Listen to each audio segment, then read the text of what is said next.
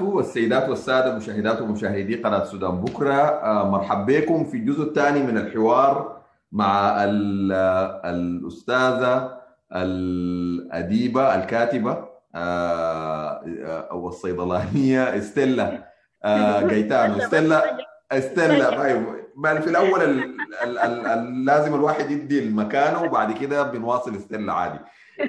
إستيلا مرحب بك. نجمة الصباح. مرحب بك مرحب بك أيوه انت قلت لي ستيلا ده الاسم من وين؟ هو آه. اسم ستيلا؟ ستيلا هو اسم إيطالي مم. آه، أبوي الله يرحمه هو بيحكي لي قال قال من ودى أمي الراهبات ومنتظرة يعني تن- تنجب البيبي وكده فاتأخرت في المسألة دي وهو مشى كده انتظر وبيعاين للسماء يعني فقامت جات السيسترة وقالت له مبروك جابوا لك بنت يعني فهو قال عاين كده للسماء ولقى إنه في نجمة لامعه جدا يعني. فقام قال دي اسمها ستيلا فستيلا هو اسم إيطالي معناه نجمة الصباح. طيب آه كويس إضاءة كويسة. آه آه شكرا. ستيلا طيب في في نهاية الجزء الأول كنا آه بنتكلم عن ال- عن بعض الأعمال بتاعتك و, و آه يعني والشخوص فيها. آه والثيمز وال ال- ال- آه، المواضيع اللي بتتناولها. آه، لكن نمشي شوية ونشوف بعد كده الأعمال اللي انت كتبتيها بعد كده. آه، أنا عايز أسألك عن ال- العودة رواية العودة. آه، وعايز أسألك عن يعني ممكن نسأل نتكلم شوية عن رواية العودة. وبعدها أسألك عن طيب آه، العودة هي مجموعة قصصية برضو زي زهور زابلة اللي هي بتتكون من آه، ثمانية نصوص. آه، العودة هو النص اللي جاء بعد عشر سنين من آه، زهور زابلة. مم. وطبعا خلال عشر سنين اللي كتبت زهور زابلة هي ما نفسها اللي كتبت العودة. وخلال العشر سنين اللي كتبت عن السودان الكبير آه، جات في العودة كتبت عن السودان المنقسم المتشظي تماما و آه، كده يعني. فالعودة هي ال- يعني الكتاب طلع في 2015 وكانت كتابات أنا بجمع فيها من 2011 اللي هي بعد ما البلد انقسم يعني وحصل الانفصال والمهم بقت في دولتين. وبدأت أكتب العودة آه، بوعي مجروح جدا ووعي حاسس بذنب كبير جدا. يعني إنه آه، وأسئلتي إنه نحن يا ربي ما اشتغلنا كويس في السودان ده لحد ما حصلت الحاجات دي يعني. وشنو اللي كان ممكن نحن نعمل على أساس إنه نتلافى الآلام الكبيرة دي. آه بعد ذاك كتبت العودة هي بدت آه مثلا باول نص كان عبق مهن آه وكان مهدى لدكتور جون جرن آه عبق مهن آه نص هو بيتكلم عن بص البص ده فيه كل السودانيين بكل سحناتهم وتفاصيلهم. والمهم يعني نص محبط كده في النهاية البص ده كله بيغرق في النيل. لكن ال- الحاجة اللي أنا دسيتها في النص إنه آه، بعد ما البص ده وقع في النيل والنيل كان الصباح هادي تماما كأنه ما حصلت الحادثة دي لكن كان النيل فيه زي بخار كده بيطلع من النيل اللي هو ينذر بغليان قادم. الغليان ده هي الثورة أنا كنت متوقعة إنه حتحصل حاجة كبيرة جدا يعمل تغيير كبير يعني.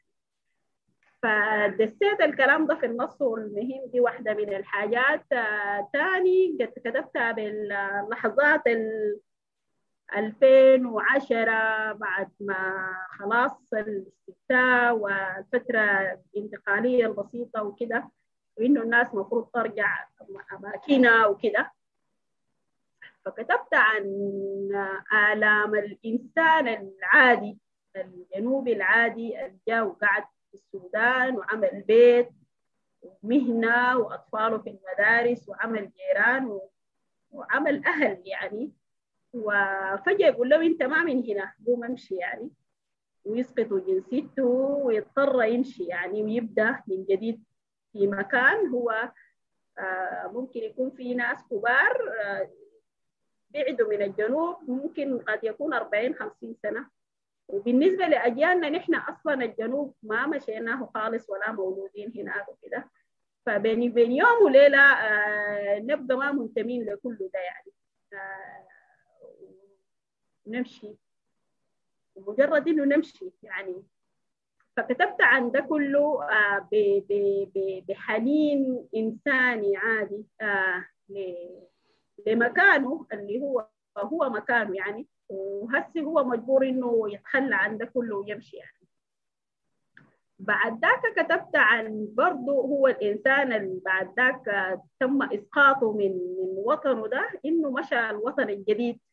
اللي هو مشى برضه بأحلام وطموحات وعالية جدا وفرح وإنه هو حيمشي حاجاته حيلقى أراضيه وحتكون في دولة عادلة ودولة مساواة وما في ظلم تاني والتفاصيل الكثيرة دي كلها.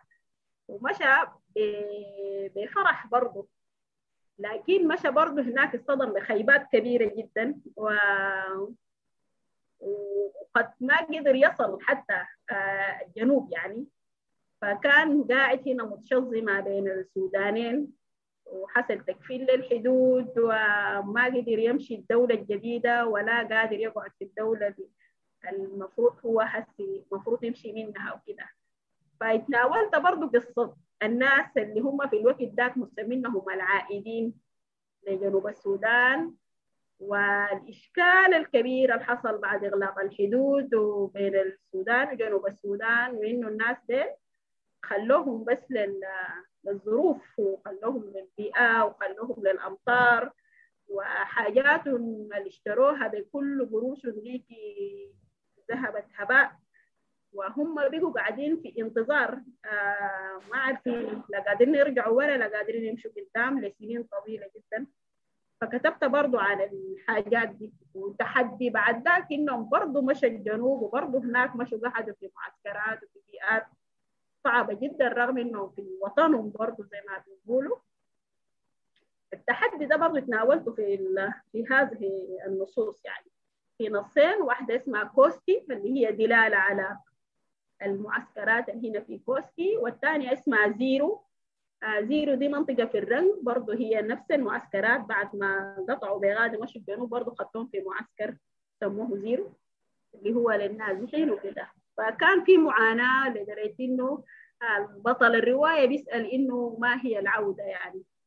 آه وليه العودة؟ سببت له بكل الآلام دي هو فقد حاجات كثيرة جدا وحصل انقسام في أسرته وفقد بنته وتوفت في الطريق وحاجات كثيرة كده يعني. آه ثانيا تناولت النصوص برضو في جوبا ذاتها كمدينة لدولة جديدة في أوقات صعبة بتفتقد للأمن وفي فساد شديد وفي تفاصيل كثيرة دي برضو آه اتناولتها آه العودة كانت ممكن تكون يعني بالنسبة لي يعني مثلا النصوص اللي كانت مرافقة للطقس الجنوبي وللثقافة الجنوبية في في زهور زابلة. اللي هي كتبتها بإلهام وبشكل جمالي كبير جدا فيها الطبيعة وكده. آه في العودة غصت أكثر في النفس والذات الجنوبية في مكانه. كإنسان طبيعي ممكن يقتل ويفسد ويتفاعل مع بيئته وممكن وممكن حاجات كثيرة جدا يعني. فدي كانت العودة. العودة أيوة هي مجموعة قصصية ما ما رواية معلش. ما رواية. آه طيب آه اللي هي في في يعني زي ما انت قلتي في في النقد بتاعها تكلموا كثير عن إنه هي يعني شاف مشت مع من الاستعمار لحد التطورات دي كلها. نعم. لحد الانفصال والدولة الجديدة وكده. ونحن حنتكلم عن الموضوع بتاع يعني حنتكلم عن عن عن الدولة الجديدة دي الجنوب. آه نحن بنعمل اللقاء ده بعد أيام بسيطة من عيد الاستقلال العاشر لجمهورية جنوب السودان. حنتكلم عنها. لكن قبلها برضو أنا عايز أشوف كتابتك للأطفال يا ستيلا. كويس وتحكي لنا عن كتابك. نعم. أيوة. آه عندي تجربة واحدة م. آه كتبتها للأطفال اللي هي قصة اسمها الطائر الجميل المتواضع آه اللي هي آه بفكرة إنه نحن كيف نقدر نغرس في الأطفال ديل آه إنه التنوع شيء طبيعي وإنه الاحتفاء بالتنوع برضه المفروض يكون جزء من سلوكياتنا وإنه المختلف ما شرط يكون قبيح. و... وإنه برضه اللي أنت شايف روحك مختلف ما شرط إنك تكون أكثر جمالا من الآخرين. اللي هي بصياغات بسيطة وكلمات بسيطة جدا ممكن نحكيها للأطفال ننمي فيهم حس قبول الآخرين رغم اختلافاتهم يعني. ف...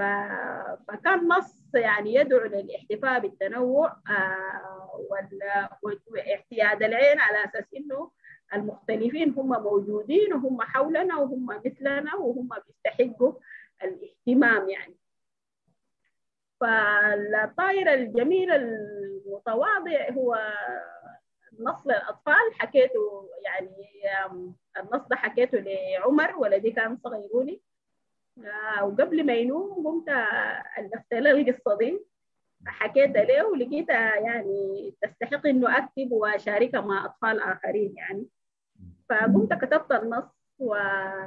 وبشكر أستاذنا التشكيلي حسن موسى لأنه هو قام بالرسومات بالنسبة لهذا النص وبشكر برضو آرثر جابرييل لأنه قام بترجمة النص للغة الإنجليزية فالنص متوفر باللغة العربية والإنجليزية وحتى بعد ذاك دار النشر قالت أو يعني ال group ده وبرضو بشكر إيمان شقاق لأنها صممت الكتاب فبعد ذاك كلنا ك group كده اتفقوا على أساس إنه النص ده هو ما نص للأطفال فقط هو نص للأطفال والكبار. وبالتالي كتبت في ال في ال في, ال في الكتاب إنه نص للصغار والكبار يعني. فكان مشاركة من هؤلاء الفنانين والتقطوا الفكرة وقدروا يعبروا عنها بشكل جميل جدا يعني. بشكرهم على كده رغم إنه الكتاب تم مصادرته طبعا في زمن الانغاث آه آه كان عندهم رأي كبير في في الرسومات حسن موسى بيفتكروا إنه الرسومات دي ما مناسبة للأطفال وفيها المهم يعني رسومات عارية والتفاصيل حقتهم في الوقت ده. آه لكن الكتاب آه حاليا موجود وبنشكر استاذنا حاتم الياس إنه أول ما جاء في هيئة المصنفات هو أطلق صراحة كل الكتب اللي كانت مصادرة في زمن الانغاث ومنها كان الكتاب حق الطائر الجميل المتواضع الآن متوفر في المعارض وفي المكتبات يعني. أيوه في الغلاف بتاعه A story for the young and the young at heart أيوه. The beautiful humble bird دل دل دل دل بالإنجليزي. بالإنجليزي طيب أيوة. الحاجة دي يعني حسن موسى وإيمان شقاق والرسومات في كتاب زي ده وارثر أيوه وارثر جابرييل. حتخليني أقوم أسألك عن ال ال الكتابة والفن. والاثنين ديل و والمقاومة والثورة وإنه ممكن دولة تقوم تمنع عليها كتاب عشان رسومات يعني. نسمع ده ممكن يكون سؤال واسع لكن يعني أديك المجال تتكلمي. نعم. آه والله لطالما إنه الكتابة والفنون هي كانت دائما أدواتنا بتاعت المقاومة بشكل أو آخر. وكانت دائما بتقلق السلطة يعني. آه فالسلطات اللي بتخاف من الفنون واللي بتخاف من حرية التعبير هي سلطات هي عاملة عاملة يعني. فالحاجات زي دي ما بتخيفة لو هي أصلا ما خايفة على نفسها من الوجود في سدة الحكم وإنه الوعي الممكن يفجر يعني الوعي ممكن تفجر رسمة وتفجر كتابة وريشة وكمان وكل أنواع الموسيقى حتى الفوتوغرافر. ف... فدي سلطات هي قاعدة ساي قاعدة بالقوة ما قاعدة بال... بإختيار الشعوب يعني وقاعدة غصبا عن الناس يعني. فعشان كده دائما بيكون عندهم قلق من من الفنون عموما عندهم قلق من الكتابة المباشرة وعندهم آه وحتى ممكن يضيقوا عليك إنك أنت ما تكون موجود أو ما تعبر أو ما تعمل الحاجة يعني. ويكون دائما الكتاب والفنانين مرصودين ومراقبين آه بآلة الدولة. وممكن يتم التضييق عليهم لحد ما يمشوا يعني يخلوا لهم البلد يعني. فدي كلها حاجات اختبرناها في ال 30 سنة اللي مشت و... واختبرتها حتى في جنوب السودان وكده يعني. ف... فدي واحدة من ال... ال... المشاكل آه ولدرجة إنه نحن في فترة من الفترات كنا بنكتب برمزيه عالية يعني ما بنقدر نكتب بشكل مباشر يعني آه لأنه ممكن نصك ده يتحرم من إنه يشوفوا زول يعني. فكنا بندس آه بندس الصياغات ورا كلمات مبهمة ورا رمزيات وحاجات كثيرة جدا آه يعني يعني ما كان في مرات مخاطبة مباشرة يعني. لكن برضو في بعض الأوقات إنه نحن بنختار إنه نواجه القمع ده بشكل مباشر زي ما عمل أستاذنا حسن موسى في الرسومات بتاعته. يعني إنه يعني أنا أول ما وديت ومشيت أطلع رقم الإيداع طوالي قالوا لي الرسومات دي ما ما دارينها.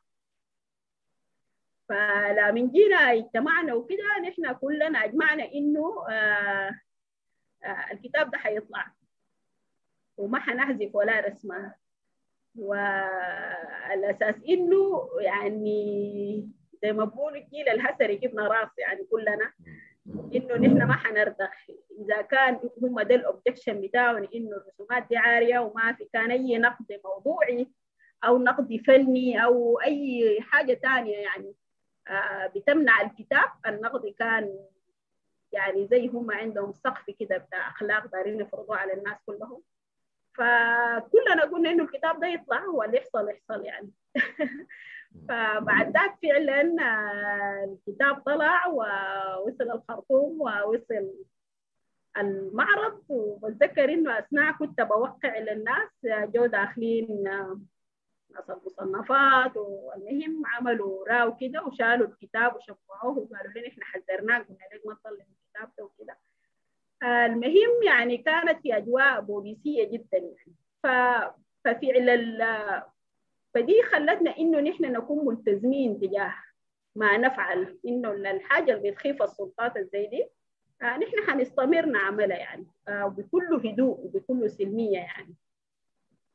ودي الحاجة اللي حصلت. يعني أنا بحيي كل كل الناس وبحيي دار نصر رفيقي لأنها اتحملت خسائر كبيرة جدا. يعني الكتاب ده يعني اتعمل ب بميزانية كبيرة كتاب كتب الأطفال. طبعا ميزانيتها عالية. فمن 2015 لحد الآن الكتاب ده ما انتهى يعني. فدائما مصادر ودائما مخزون ودائما بيتباع بالدس وكده. فبحيي دار نصر رفيقي في دار نصر رفيقي في شخص الاستاذ دنجوج هو زول برضه متفهم جدا للمسائل دي ويتحمل المسؤولية كاملة يعني الخسائر اللي من الكتاب يعني. لحد الآن ما في تعويض طبعا للمسألة دي يعني. فحنظل نقاوم ما في شك يعني. طيب نحييه ونحيي الدار. وفعلا يعني هو نظلنا قاوم دي يعني خاتمة كويسة للحتة دي. لكن أنا عايز أقوم أسألك عن تجربة برضه لها علاقة. بفنان زي فن يعني هنا عملت الحاجة دي بالمشاركة مع فنانين ديل. لكن التجربة بتاعت مع إبراهيم الصلحي الصلحي. مع الفنان الكبير إبراهيم الصلحي. لو حكيت لنا على القصة بتاعت المقال ده أو الحاجة دي يعني الكتابة دي. آه نعم. هي كانت آه المشاركة كانت آه طلبتها كان مجلة أمريكية. آه اسمها السبع مجازين أو حاجة زي دي. المهم هسه أنا نسيت. اللي هي واحدة من المجلات كان يعني حددت عدد خاص للثورة السودانية. في 2000 I think 20 تقريبا أو فكان يعني حددت عدد خاص للثورة السودانية وبعد ذاك زي استكتبت كتاب على أساس إنهم يكتبوا حول الثورة السودانية وكان طلبوا مني نص قصصي يعني يدي صورة للزول الما سوداني خلفية عن الثورة السودانية. وكان الموضوع ده إنه نقدر نستلهم الموضوع ده من أول كتابات دي من من كتاب إبراهيم الصلحي. اللي هو الكتاب بتاعه كان هي فيها رسومات وكتابات جانبية الكتاب ده هو كان رسمه تقريبا في السجن وهو كان في أوقات أكتوبر هو كان مسجون وهو مسجون قدر يعمل الكتاب ده جوا السجن يعني اللي هي كانت رسومات بتعبر عن الحرية وعن التحرر وعن الزنازين في ذات نفسه وكده. فالكتاب ده لحسن الحظ إنه كان عندي في البيت فاتصفحت الكتاب و على أساس انه أنا كيف أقدر أستلهم من الالستريشن بتاع أستاذ مصطلحي أطلع منه نص وأربط ما بين ثورة أكتوبر وثورة ديسمبر. وكيف الفنان قاعد يتصرف في لحظات زي دي لحظات الكبت العام والقمع العام ده هو بيقدر يلقى منافذ كيف للتعبير يعني. ف... فقمت يعني من الحتة دي بالذات قمت جبت فنان تاني مختلف اللي هو هو مصور آه النص اسمه آه 6 أبريل. استلهمت النص من مصور هو شاب آه اللي هو من بيشبه كثيرين من شباب الثورة وشابات الثورة. وكل أدواته كانت آه التلفونات آه بيشيل التلفون وكاميرات خفية. آه وبيطلع فوق في واحدة من عمارات الخرطوم العالية دي وبيقعد في حتة كده. الحته دي مطلة على شوارع رئيسية كثيره وهو من الحتة دي حتة ضيقة جدا وبشباك صغير جدا اللي هو هو ذاته كان زي المسجون في المكان ده على أساس إنه يقدر يوثق لليوم ده يوم 6 أبريل. فالنص بعد كده بالإضافة لأنه البطل ده عنده تقاطعات مع أسرته اللي هي الأسرة المنقسمه في الزمن ده ما بين إنه ده الاولاد صغار بيعملوا في فوضى أو كده. وهو وإيمانه هو بالثورة بإنه هو جيله بيقدروا يحدثوا التغيير ده يعني. هو ما مشارك بشكل مباشر في الشوارع لكن كان من حتته دي بيرفع الصور على صفحته في الفيسبوك أو على صفحة مسميها يعني باسم من اسماء الثورة. آه فبيرفع إنه الآن حصل كده الآن تم القبض على كده الآن الناس ماشيين. وكيف أثر الصورة وأثر كلماته البسيطة دي ألهمت ملايين الناس إنهم يجوا ويخشوا القيادة يعني. ف... فكان فكان دي دي دي التقاطعات ما بين الفنون وما بين مقاومة الفنانين في لحظات. حتى من داخل مكاتبهم ومن داخل مناطقنا المغلقة الصغيرة كيف هم بيقدروا يلهموا الناس بإنهم يمشوا ويطلعوا في الشوارع يعني الحاجة دي بالضبط هي حصلت أيام الثورة إنه كيف الفنانين التشكيليين والمصممين وأغلب الفنانين إذا كانوا بيمارسوا غناء وفنانين الراب كيف قدروا يخلوا الثورة السودانية دي تستمر وتنجز بشكل عظيم وكبير يعني. طيب ده كلام ملهم جدا. كلام كلام ملهم و, و...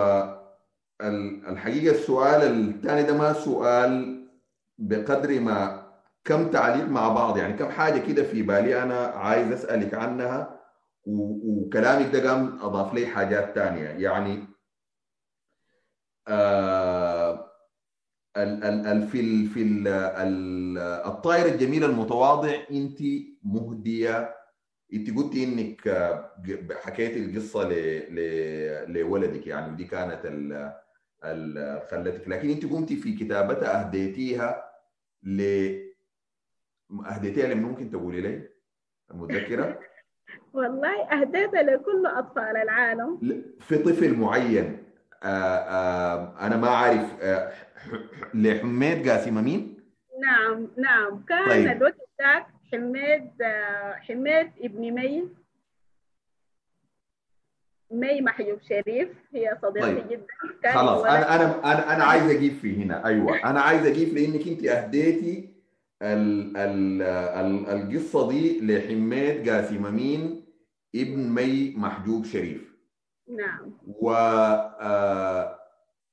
محجوب شريف والحس القصة بتاعت إبراهيم الصلحي الكاتب اللوحات بتاعته دي في السجن آه وانت كتبت المقال ده أو كتبت الكتابة دي بناء على آه يعني آه لوحات إبراهيم الصلحي لأنه في مجلة أمريكية اهتمت بالثورة السودانية وعايزة توري الثورة السودانية دي لقراء ما عارفين كل التفاصيل. وقبل كم سنة أشعار محجوب شريف بصوته كانت في فنان صيني وناشط اللي هو اسمه وي وي. ده فنان مهم جدا جدا ومناضل وتعرض لقمع شديد جدا في الصين. عمل المعرض ده اللي هو كان في في سجن ألكاتراز في كاليفورنيا الأمريكية. والفكرة بتاعت الحاجة اللي عملها وي وي ده إنه زنازين في السجن دي كانت بتسمع فيها قصايد لشعراء من حتات مختلفة من العالم بيتكلموا عن الحرية. في سودانيين وأنا بعرف أصدقاء وصديقات سامشوا المعرض ده يعني محظوظين وقدروا يسمعوا صوت محجوب شريف. في في الزنازين دي. الكلام ده الأسماء زايد محجوب شريف زايد الحرية زايد الواحدة من محمد طه القدال كان أنا بالنسبة لي يعني الله يرحمه كان حاجة قاسية جدا جدا. أنا قاعد في أمريكا وما عندي معه أي معرفة يعني ما عندي حاجة شخصية مع محمد طه القدال غير الكلام اللي أنت قلتيه بتاع إنه نحن قمنا نحن وداننا يتكون باشعار ناس زي محمد طه القدال. كان كان قاسي عليه جدا جدا ومن من الكتابات الكثيرة طبعا في اليوم ذاك في الفيسبوك الحاجات اللي اتكتبت كثيرة جدا جدا وكثير منها لافته. أنا بالنسبة لي ثاني يوم كان ال ال ال من الحاجات اللافتة دي النعي اللي كتبه زهير زهير عباس ده لأنه هو كتبه وأنا وأنا شفته وعملت له هنا وشفت صفحته وصحيت بعدها وفاجأ بخبر وفاته. أو يصحوني الحقيقة لخبر وفاته. لكن برضه كان معاه واحدة من الحاجات المؤثرة جدا الجملة دي اللي انت كتبتيها يا ستيلا. قدري أن أكون ابنة الجميع. قدري أن أكون ابنة الجميع. مصيري أن أتذوق اليتم عاما بعد عام. يابا مع السلامة. أه الحاجة دي قاسية جدا جدا. كويس. أه وأنا عارف إن إحنا بدينا في يعني أنت بديتي كان بالكلام عن عن التشكيل والداني. لكن أه اليتم عام بعد عام وإنه أن تكوني ابنة الجميع دي ممكن تدينا عنها شوية؟ يعني تكلمينا عنها شوية؟ أه والله يا حسام الاتساع اللي تكلمت لك عنها قبالك إنه يعني ستيلا ما سجنت نفسها في أب بيولوجي وأم بيولوجيه يعني وأخوان بيولوجيين يعني. بجد أنا كنت ابنة الجميع يعني.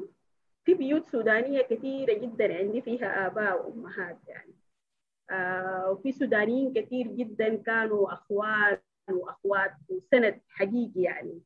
آه والصله بهم ما صله يعني قرابة أو دم أو اسميه أو تفاصيل زي يعني. فالصلات كان أكبر من كده بكثير يعني حاجة تجاوزت الحاجات البسيطة الانتماءات البسيطة دي لانتماء آه روحي وإنساني كبير جدا يعني. آه البيوت السودانية دي فتحت لي أبواب وفتحت لي قلبها في زمان إنه أنا كنت يعني بالذات لا من كنت طالبة في الجامعة كنت في تقريبا في مهب ريح كده يعني إنه الإمكانيات كانت بسيطة للام والاب وانه أنا كنت شغالة وبقرأ في نفس الوقت وساكنة بعيد جدا وأقعد في الداخلية و... ففي بيوت كثيرة جدا فتحت لي ابواب وأنا كنت بقعد آه بالأيام وأيام الامتحانات وكده والتفاصيل دي. ده على المستوى الاجتماعي يعني فقط بدون قلق حتى من اهالي يعني إنه البيت وين وكده. فكنت عازمه إنه أنا لازم أتم الجامعة دي باي هوكر كروك يعني. فبدون مساندة الأخوان والأخوات والأصدقاء والبيوت السودانية اللي كانت تفتح لي أبوابها ما أظن أنا كنت قدرت أتجاوز مرحلة الجامعة بسلام يعني وأطلع يعني. فبرضه بشكرهم جدا بدون ذكر أسماء. هم عارفين إنه أنا بنتهم وهم عارفين إنه أنا بتكلم عنهم يعني. أما ما يخص أستاذ محجوب شريف والجدال واستاذنا ازهري محمد علي وفرقه عز الجلال زمان و والاستماع لمصطفى سيد أحمد و وكل الشعراء وكل الكلمات الباسطة اللي قاعد تتقال في الميديا. وبعد ذاك جيت ولقيت نفسي إنه أنا دخلت بيت محجوب شريف يعني كنت بقول له يا أبوي يعني وبمشي له وبيسأل مني وكده ولحد ما جل الانفصال وأنا لابن مودعه ومسافره ومشيت له وحتى بتذكر إنه كان خدتيني في حجره وبيلوليني لأنه أنا كنت ببكي شديد يعني. فأنا بحس إنه في يعني أبوة روحية كده يعني حاجة بتتجاوز يعني الدم وبتتجاوز حاجات كثيرة جدا يعني. فأستاذ محجوب شريف لما يتوفى أنا كنت في جوبا ويعني تعبت جدا جدا يعني أنا ما حضرت أي حاجة. و وبس ضرب لي زول أنا لحد هسي ما عارفاه من يعني. زول رقم جاني من رقم من الخرطوم ولا رقم. لحظة وفاته ضرب لي زول وقال لي استل البركة فيك يعني. آه أستاذ محجوب. بعد ذاك أنا خشيت في حالة صعبة جدا. حزنت حزن عميق لحد الآن يعني. آه ما قدرت أطلع من المسألة دي يعني. آه بعد ذاك جات ملاقاتي مع أستاذ الجدال برضه بشكل شخصي. وتلاقينا في أكثر من حتة يعني. والحاجة اللي ما بيعرفوها الناس إنه ستيلا ظهرت ككاتبة في بيت أستاذ الجدال يعني أنا كنت يا في مراحل. دخول الجامعة وبديت ياها أكتب. وحتى بحيره بحق مسمرة البابا دي كانت قصة جديدة لسه في الورق. أول مرة قريت النص ده في بيت أستاذ الجدال هو كان بيعمل منتديات ثقافية في بيته. زمن القمع ذاك لأنه أي شيء ما كان متاح وأي شيء كان بأذونات وكده. فكنا ونحن يا داب بادين كنا بن يعني بنحوم على البيوت المنتديات المغلقة في بيوت الناس يعني. آه ومنه أستاذ الجدال كان عنده منتدى في بيته. آه بتذكر كان آه المهم كان في احتفاء بسيط وكان في اللحظة دي أنا وليزا شاكر كان قدمونا إنه نقدم حاجة. فأنا قريت نص بحيرة بحجم سمرة الباباي لأول مرة قدام جمهور في بيت أستاذ الجدال وبرضه ليزا شاكر كان غنت وعزفت بالجيتار بتاعها برضه. كنا في أعمار صغيرة جدا ويا داب بيتم تقديمنا يعني بالدعم الكبير ده يعني. ففضلوا علينا كبير وتشجيعه كبير جدا و وبعد ذاك ما بيتخلى. يعني أستاذ القدال يعني رغم إنه آه أنا بديت وبعد ذاك شقيت طريقه ومشيت. يعني أنا لما جيت دشن العودة آه أستاذ القدال ده جاني لحد جوبا.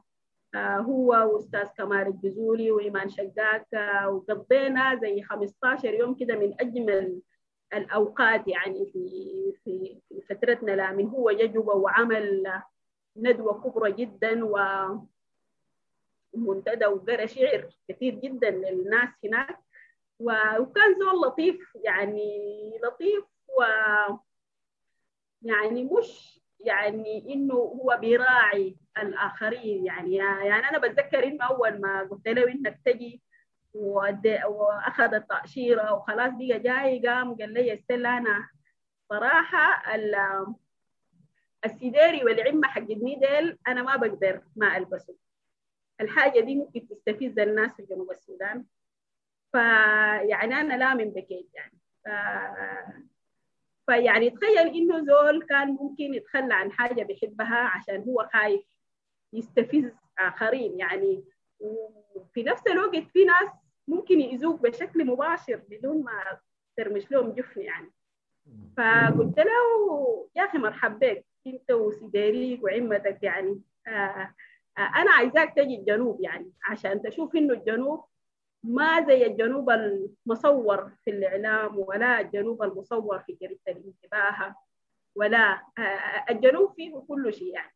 وفيه الجنوب اللابس العمة والسديري والآن قاعد موجود ومرحب به في جوبا الجنوب يعني يحتوي كل هذا التنوع وكله. عشان كده أنا عايزاك أنت تجي.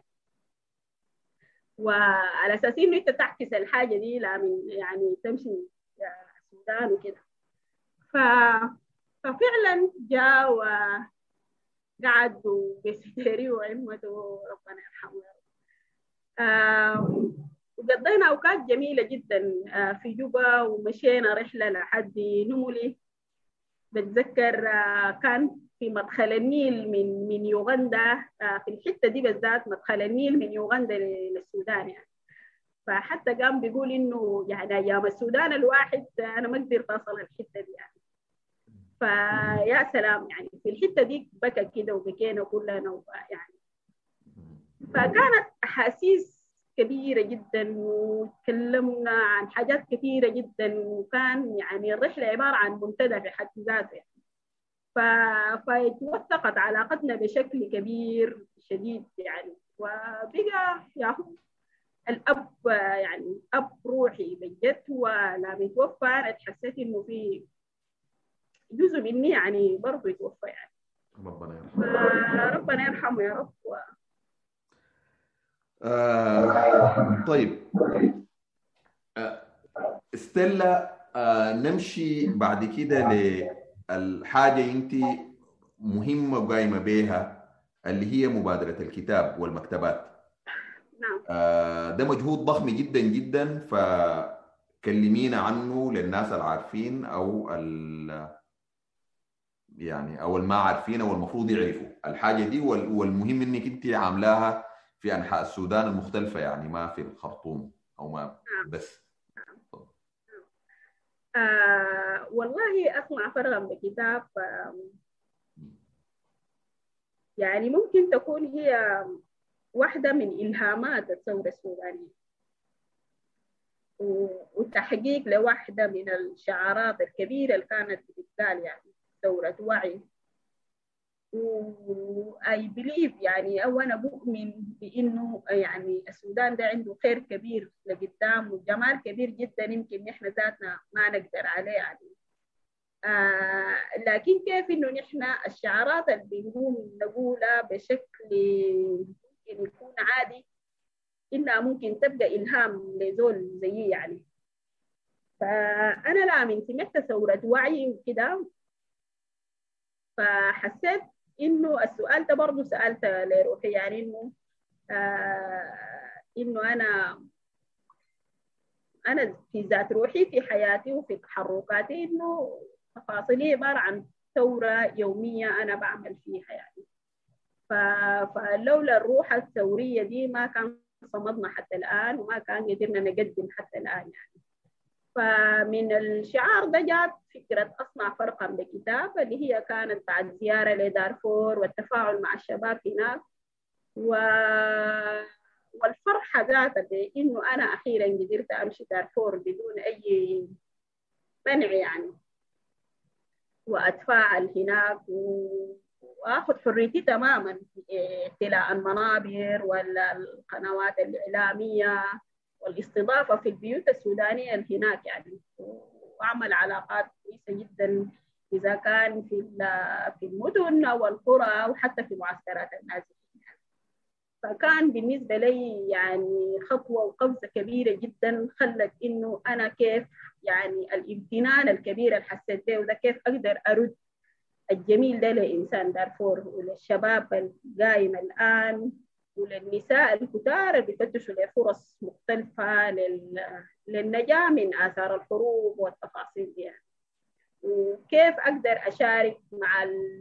إذا كانت الدولة أو إذا كان كل القطاعات النظامية أو إذا كان المجتمعات المحلية في إنه كلنا نقدر نساهم في إنه دارفور تعود للحياة يعني فدي كانت بداية الفكرة فهناك كنت بسأل الشباب ولأنه أنا عارفة إنه القراية والكتب أثرها كيف على الإنسان وعلى تغيير الإنسان وعلى إنه كيف يقدر هو ذاته يكون فاعل بشكل إيجابي لروحه ولمجتمعه يعني.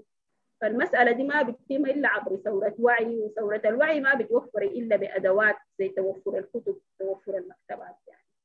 خاصة إنه أنا استشعرت إنه في استعداد للشباب ديل في إنهم يتفاعلوا ويقدروا ثقافيا يقدروا يأثروا ويقدروا يرسخوا السلام ويقدروا يبنوه ويبنوا التسامح ويعيدوا علاقاتهم مع روحهم ومع مجتمعاتهم بشكل فيه تعافي نوع من التعافي يعني.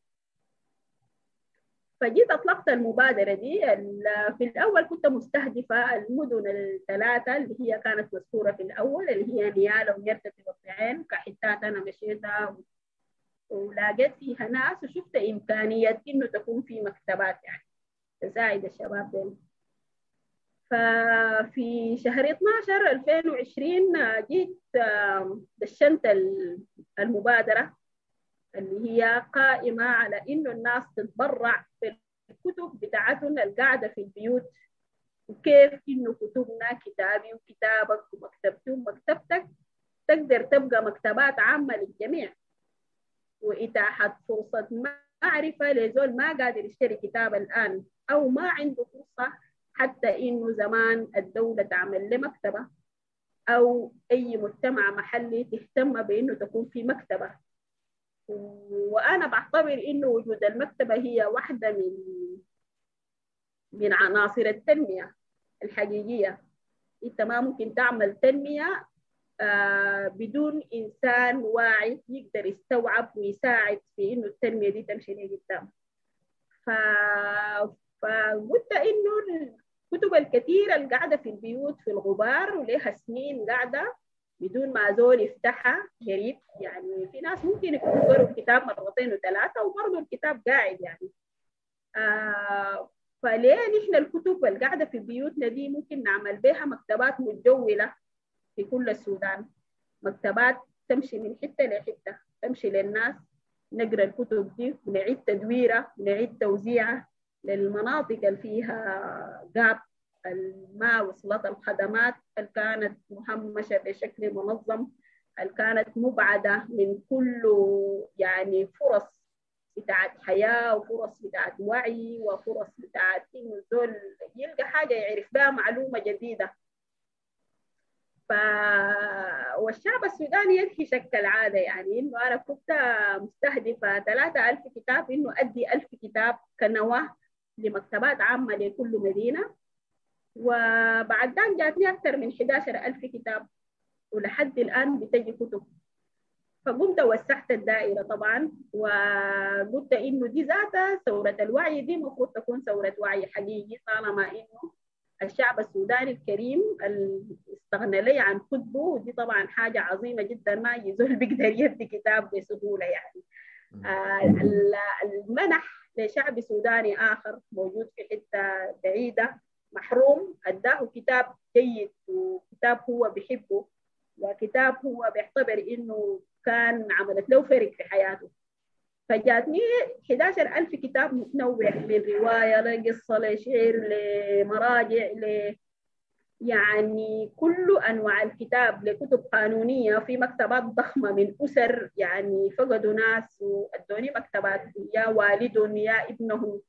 يا مكتبات فيها آلاف الكتب. يعني أنا يعني أنا ما, أنا ممتنة للحاجة دي. أنا ما ما عارفة أقدر أشكرهم كيف غير إنه المشروع ده أنا أتم وهم يشوفوا إنه كتب دي فعلا مشت للناس يستحقوها والناس هم حيستفيدوا منها. فوسعت الماعون وأطلقت المبادرة تم إطلاقها في جوبا برضو من أجل مكتبة عامة في جوبا وفي ملكال وفي واو. وبعد ذاك اتسعت المسألة وبقت حقة الناس ما بقت مبادرة ستيلا يعني. فشباب في السودان عملوا أصنع فرقا بكتاب شباب في النيل الأزرق في كادوقلي حتى الناس بقوا براهم بنفس الفكرة يعملوا مكتباتهم براهم اللي هم يتبرعوا بكتب كأبناء منطقة ويعملوا مكتباتهم الخاصة. وأظن ده كان الهدف الكبير. إنه المشروع يبقى مشروع الجميع وإنه كل زول ممكن يعمل الحاجة دي حتى من بدون استلة يعني. فأنا بشكر كل الحاجات دي الآن في الطريق الشهر القادم بالكثير إن شاء الله أول ما ألقى دعم لترحيل الكتب حافتتح مكتبة في الدعين وفي نيالا وفي نرتفي وبعدها مكتبة في كادوبلي وفي النيل الأزرق وفي هيا. و... ولسه بتجري اتصالات من ولايات ومن قرى ومن مدارس في إنه هم دارين يفتتحوا المكتبة والموجود أنا حأديه للناس يعني. طبعا أكيد لأنه ده مشروع الناس. كلام ما يعني ما مؤثر ما حاجة جميلة جدا وعظيمة وقيمتها وكل الحاجات المرتبطة بها عظيمة. حتكون وين المكتبات دي؟ يعني في كل مدينة من المدن دي حتت المقر بتاعها حيكون شنو؟ أيوه يعني. يلا أنا عشان تكون في فرصة بتاعت مشاركة وإنه الحاجة ما تكون في اتجاه واحد وإنه فعلا المبادرة هي مبادرة الجميع آه أنا اللي علي كاستل إني أجمع الكتب وأصنفها وأشوف في الحالة الجيدة واللي حالة دايرة تصليح وكده اصلح أصلح الكتب دي وأعبيها في كراتين و... وبشوف إمكانية وجود جهة تدعم الترحيل للجهات آه عشان الشباب هناك يحسوا برضو إنه المشروع ده حقهم وهم جزء منهم خليت عليهم اختيار المقرات وتأسيس المكتبات من كراسي لرفوف وكده على أساس إنه تكون في نوع من المشاركة بين بين الناس يعني. على أساس إنه المشروع ده نقدر نحافظ عليه ونتمنى له الاستمرارية ونتمنى إنه يكبر حتى بعد ما أديهم الألف كتابة والألف وخمسمية كتاب هم يزيدوا عليها كتب زيادة يزيدوا عليها حاجات زيادة. بالإضافة لكده يعني هسي مكتبة الضعين جاهزة وأنا بشكر هيئة محامي دارفور لأنها منحت صالة كبيرة ضخمة جدا مجهزة بكل تفاصيلها. انها تبقى مكتبة لأصناف أرقام الكتاب بمنطقه الدين وتكون مفتوحة للعامة. في نيرتتي برضو هم برضو جهزوا مكان من رفوف وكراسي وجاهزه تماما. الآن هم بس في انتظار المكتبة. في نيالا أبناء نيالا وأنا بحييهم من هنا كلهم. يعني اتجمعوا في لحظة واحدة وتبرعوا وجابوا الخشب يعني الآن هم بيعملوا في رفوف وبرضه عندهم مقر فبيجهزوا في مكتبتنا العامة. أول ما ينتهوا إن شاء الله آه حنمشي نفتتح المكتبات الثلاثة دي. والآن أبناء كادوكلي برضه هم ساعين في إنهم يعملوا مكتبتنا العامة وأبناء تندلتي برضه هم ساعين إنهم يعملوا مكتبتنا العامة. يعني أنا بخلي الناس تعمل الحاجة بالكيفية اللي هم دارينها وفي الظروف اللي هم دارينها وأنا علي أغذيهم بالكتب اللي بتجيني يعني. وأنا طيب. بقدر أعمل كده. نعم. بتقدري إن شاء الله. وحاجة مجهود عظيم. المبادرة دي اصنع فرقا بكتاب يا ستيلا طبعا مبادرة ضخمة ومهمة وكويس إنه لقينا فرصة إنه نتكلم عنها في في في القناة دي. ومتابعة لها من ناس يعني بقى عندها حضور والناس شايفينها وان شاء الله يكون يعني زي ما انت قلتي تتوسع أكثر ويكون في دعم وتتحول لحاجة يعني تغطي كل السودان بالمكتبات اللي غابت سنين وعقود عن عن عن عن المناطق السودان المختلفة. دي مبادرة مهمة في عمل تطوعي وفي عمل عام لكن ما الأولى ولا الأخيرة لستيلا عندك مبادرات ثانية وعندك نشاطات و يعني من من زمان. ف عايز أسمع منك عن رؤيتك للحاجات دي رؤيتك للعمل العام ولل وللعمل التطوعي ولدورك أنت ودور الناس المختلفين في في في المجالات دي. آه يعني آه أنا فكرتي إنه إذا كنا يعني بنعتبر إنه نحن وذين الدول الحديثة أو بعض الاستعمار أو بعد كده آه ما, ما, في دولة حديثة بتقوم بمجهود حكومي فقط. لا بد من مشاركة المجتمع المدني في هذا البناء. يعني والمجتمع المدني لأنه أكثر قربا للناس وبيقدروا يشوفوا من زوايا الحكومات ممكن ما تكون شايفاها لأنهم هم أكثر احتكاكا بالقواعد وبيقدروا يستشعروا ال ال ال ال الجاب وين بسهولة يعني. وبالتالي هم أزرع مهمة جدا جدا في إنها تمشي يعني ساق بساق مع مع المجهود الحكومي الكبير اللي عليها إنها توفر الحريات بشكل كامل للأجسام دي عشان تشتغل. عليها إنها توفر البنية التحتية. عليها إنها آه تقدر يعني تتيح فرص آه المشاركة بتسهيل كل الحاجات اللي بتخلي الأجسام الثقافية الاجتماعية المنظمات الإنسانية إنها تشتغل وتتحرك آه بتسهيلات من الحكومة. يعني من من الحاجات الزمان يعني نحن هسه ممكن نقول إنه ظهرت مبادرات ضخمة في السودان بعد الثورة بالذات ومنظمات كثيرة وأجسام كثيرة كلها دايرة تشتغل يعني. آه لأنه في في في 30 سنة الحاجة دي ما كانت متاحة. يعني أنت ذاتك لو بقيت عندك إمكانية تقدم يد العون أنت ما على كيفك يعني.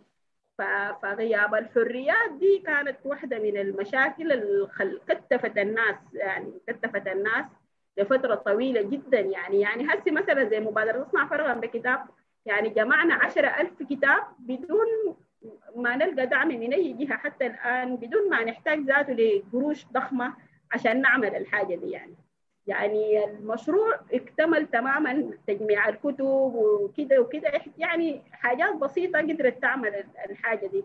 يعني الحاجة الوحيدة المكلفة كانت يا هاي إنشاء المكتبات دي و آه وكده يعني. لو الحكومات المحلية ساعدت الشباب ده في إنها كملت لها أفكارها بعد ما هم جمعوا القروش وقدروا يعملوا الحاجات البسيطة دي فهناك برضه بالتعاون الحكومة ممكن الحاجات دي تتم لأنه ما ممكن برضه المجتمعات المدنية تقدر تشيل العبء ده كله براها. يعني إحنا محتاجين لتعاون تام ما بين المجتمع المدني ومع القطاع الحكومي في إنه تسهيل الإجراءات وتسهيل بعض الحاجات يعني دي كلها من الحاجات اللي بتخلي إنه يكون في ثراء في العطاء ويكون في انتعاش في المشاركة والناس كلها ممكن تقدر تعمل الحاجة مع بعضها البعض يعني.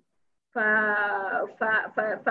فهامش الحريات أو الحريات الهسي موجودة هي اللي خلت إستيلا تتحرك وخلت بعض المراكز الثقافية الثانية تتحرك وتكون في أنشطة على مدار الساعة وتكون في سفر خارج الخرطوم. الناس دي بتمشي وبتجي وبتعمل فعاليات وبتجي. يعني دي دي دي أجواء الناس بتحتاج لها آه فعلا على أساس إنه الأجسام الثقافية دي تحس بمسؤوليتها آه تجاه تجاه الناس تجاه مجتمعاتها وتجاه آه وطنها آه إنها تعمل اللي بتقدر عليه يعني. لكن ده ما بيلغي إنه الحكومات المفروض تكون هي الباك أب الكبير والمساعد الكبير والمساند الكبير للحاجات دي عشان تتم بطريقة آه كويسة يقدر يفيد الجميع. ما تبقى مجرد زبد كده ويروح يعني. لأن في مبادرات كثيرة ممكن تموت.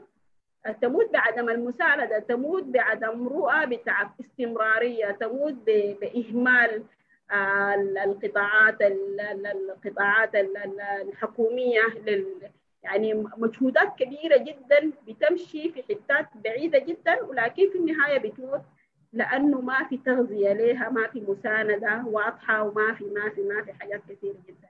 آه نحن بنتمنى إنه يعني حاجاتنا الصغيرة اللي بنعملها دي انها تلقى الالتفات وتلقى الدعم وتلقى إنه المشاريع دي تتم آه تتم وتلقى المساندة وضمان استمراريتها ولا بد من إنه الحكومات برضه تتدخل. ومن هنا برضه بشكر وزارة الثقافه لانها بجد كانت لصيقة للمبادرة وقدرت هي يعني آه تساند المبادرة في تفاصيل كثيرة جدا وتسهل يعني بعض الأشياء على أساس إنه المبادرة تقدر تستمر حتى الآن. يعني بنتمنى إنه لقدام الأمور تمشي يعني. إن شاء الله إن شاء الله. و آه طيب ستيلا في في يعني إحنا وصلنا ل أنا لختام أو خواتيم اللقاء ده لكن أنا عايز أسألك آه زي ما قلنا نحن آه بعد أيام بسيطة من الذكرى العاشرة لإستقلال آه جمهورية جنوب السودان أو انفصال جنوب السودان. أو أو هو انفصال جنوب السودان وت وت وتأسيس أو استقلال جمهورية جنوب السودان. وبرضه لأنه في كلامك ده في حاجات كثيرة لها علاقة بالثورة السودانية. نحن لنا دي حسي برضه سنتين من يعني طبعا الأحداث بتاعت الثورة السودانية متعددة. ممكن نقول سنتين من بعد 30 يونيو بشوية أو سنتين بعد التفاوض أو قريب من الاتفاق السياسي وكده. أنا عايز أسمع رؤيتك للبلدين السودان بعد الثورة والجنوب بعد قيام الجمهورية. وده سؤال مفتوح فاخذي راحتك آه طيب آه أنا بالنسبة لي إنه الاثنين السودانين يعني الاثنين هم في مراحل انتقال صعبة جدا. وأنا ممكن أستشرف كلامي ده من مقولة آه بحب يقولها صديقنا يعني قصي مرور يعني في البدايات كده كان بيقول انها قد في الأول قد تمضي للأسوأ وبعد ذاك تبدأ تستعدل يعني. إنه الناس ما تفرح بإنه الثورة قامت وترفع سقف طموحاتها وسقف آمالها بإنه طق طق طق كده الحاجات كلها حتكون زي ما الناس حلمت بيها يعني. فدائما بعد الثورات إنه قد تذهب للأسوأ يعني بعد ذاك تبدأ تستعدل يعني.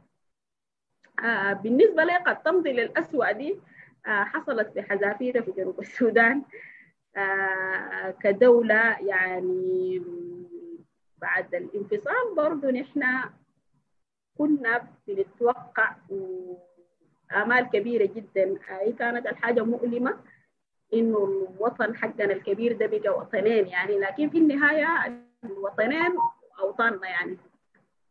ف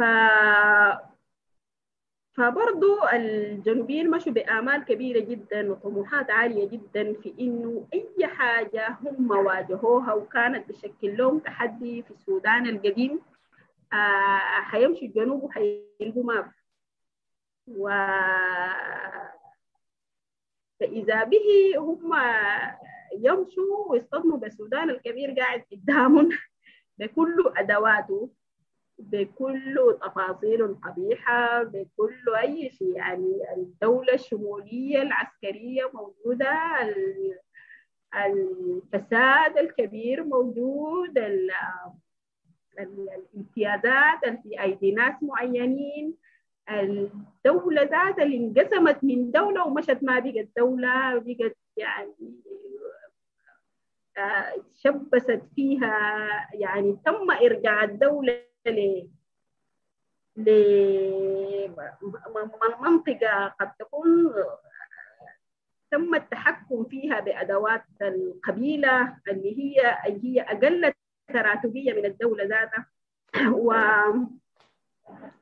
وكيف المسألة دي يعني الجنوب المشروخ النازح اللاجئ الضاق المرارات والجنوب جوا الجنوب كيف الحاجة دي قدرت تأثر فيه يعني وقدرت تنسف كل آماله في لحظة يعني.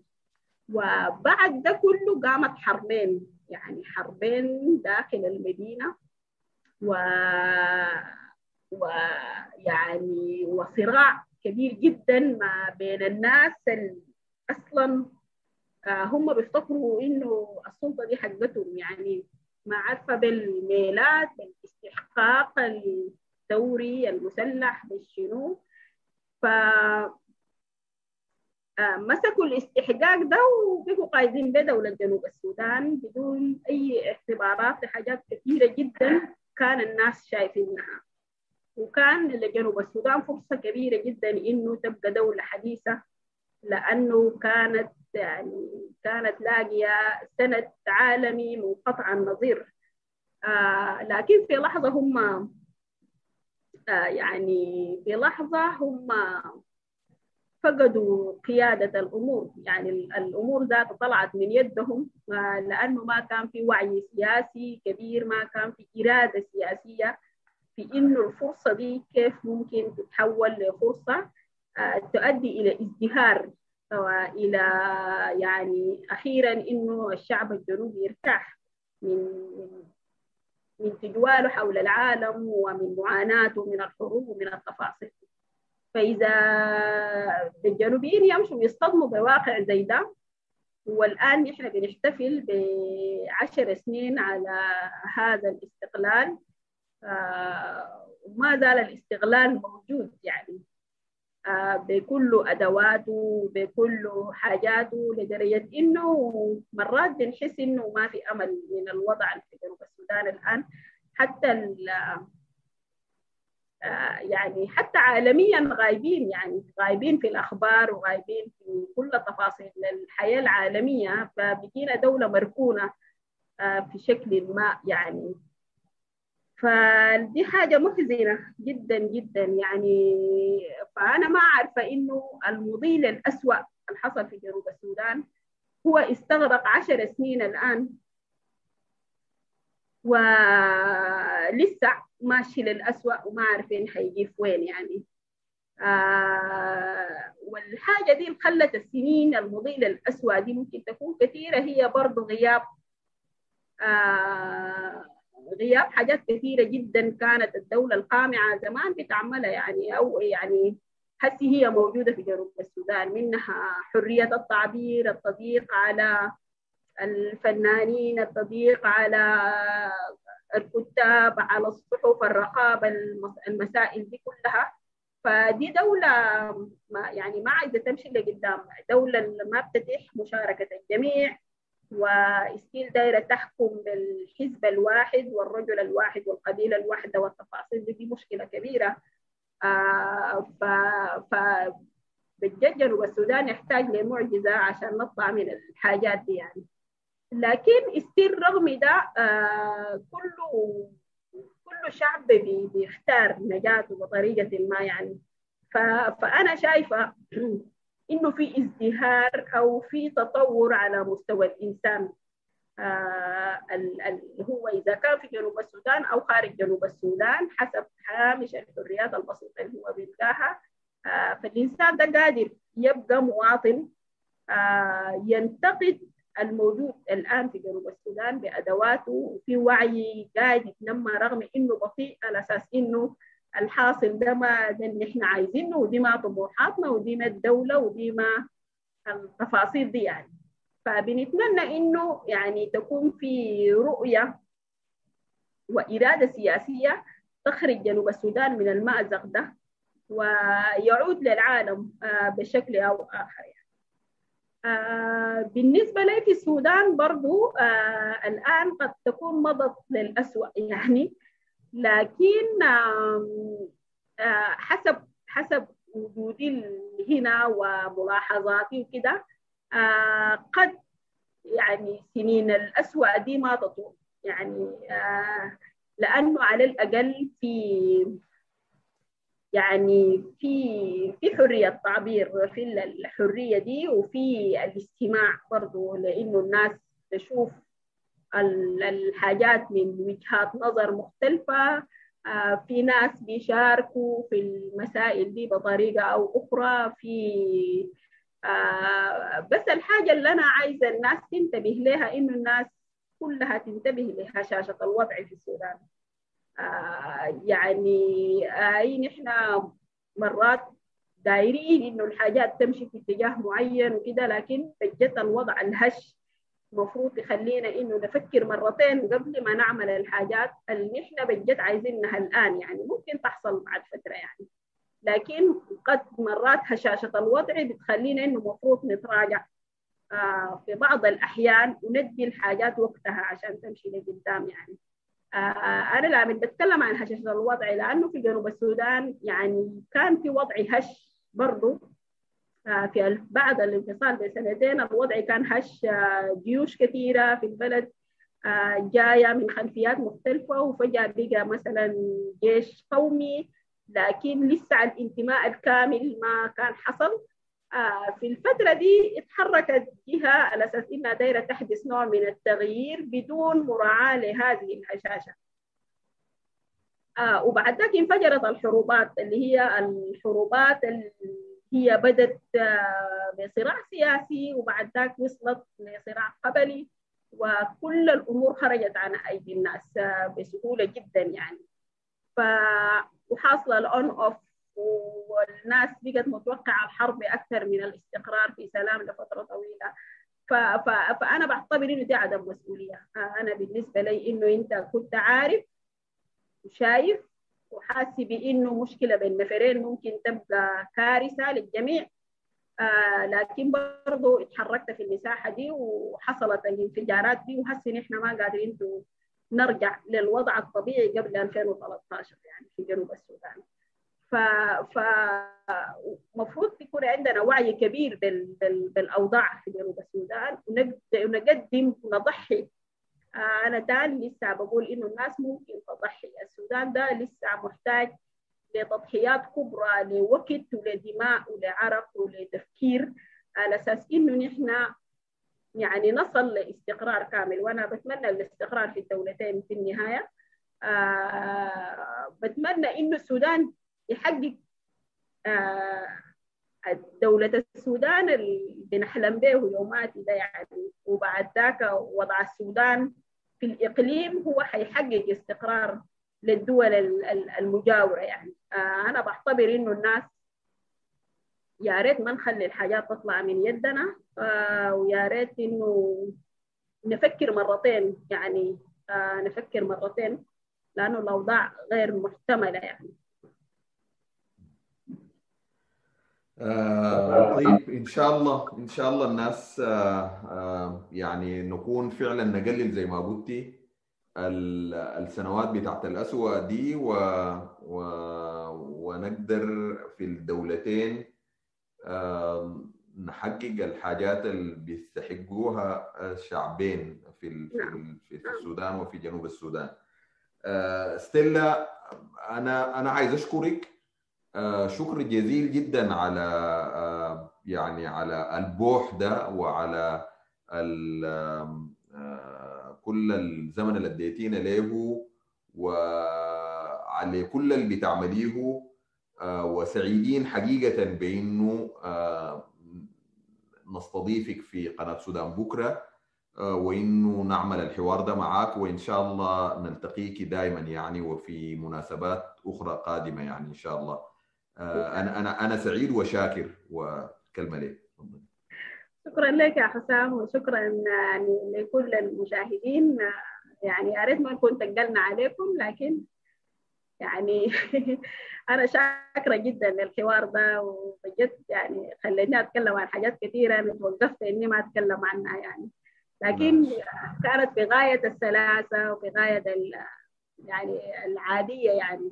فشكرا يعني شكرا. شكرا جزيلا لك. شكرا ستيلا جايتانو الأديبة والكاتبة آه والصيدلية آه وأخصائية الصحة العامة والناشطة والمبادرة و آه شكرا للسيدات والسادة المشاهدات والمشاهدين. ونلتقيكم إن شاء الله في حلقات قادمة من برنامج وإن طال السفر. والسلام عليكم ورحمة الله تعالى وبركاته.